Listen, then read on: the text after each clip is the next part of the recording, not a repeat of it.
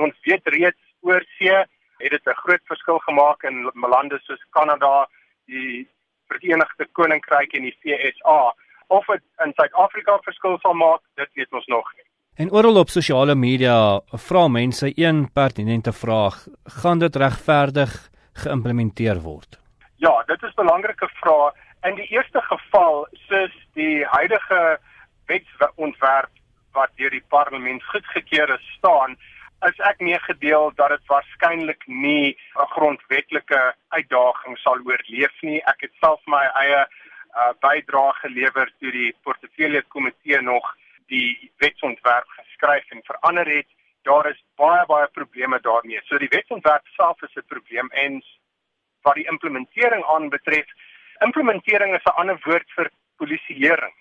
En as die polisieering swak is, gaan enige wetsontwerp nie werk nie. En as ons gaan kyk na die vlakke van omkoop, na die vlakke van wangedrag op ons paaie, na die vlakke van onwettige rybewyse, dan bevrees ek my ons gaan waarskynlik nie 'n uh, goeie implementering sien nie.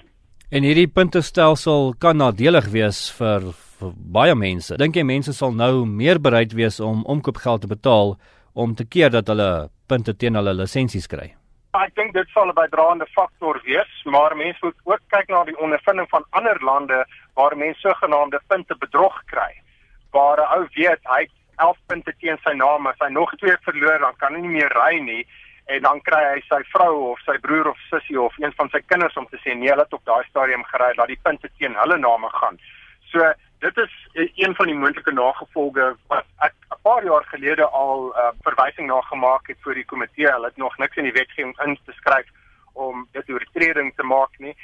So dit is 'n moontlikheid en nou moet 'n mens ook na maatskappye kyk want 'n maatskappy se vloot as hy al sy punte verloor, kan die vloot nie uh sy besigheid bedryf nie. So dit dit is 'n heeltemal 'n ander kwessie wat nie heeltemal uitgelig is nie. So daar is verskeie moontlikhede vir bedrog, vir korrupsie, vir omkopery en ek dink nog lank nie ons het die laaste van hierdie saak gehoor nie.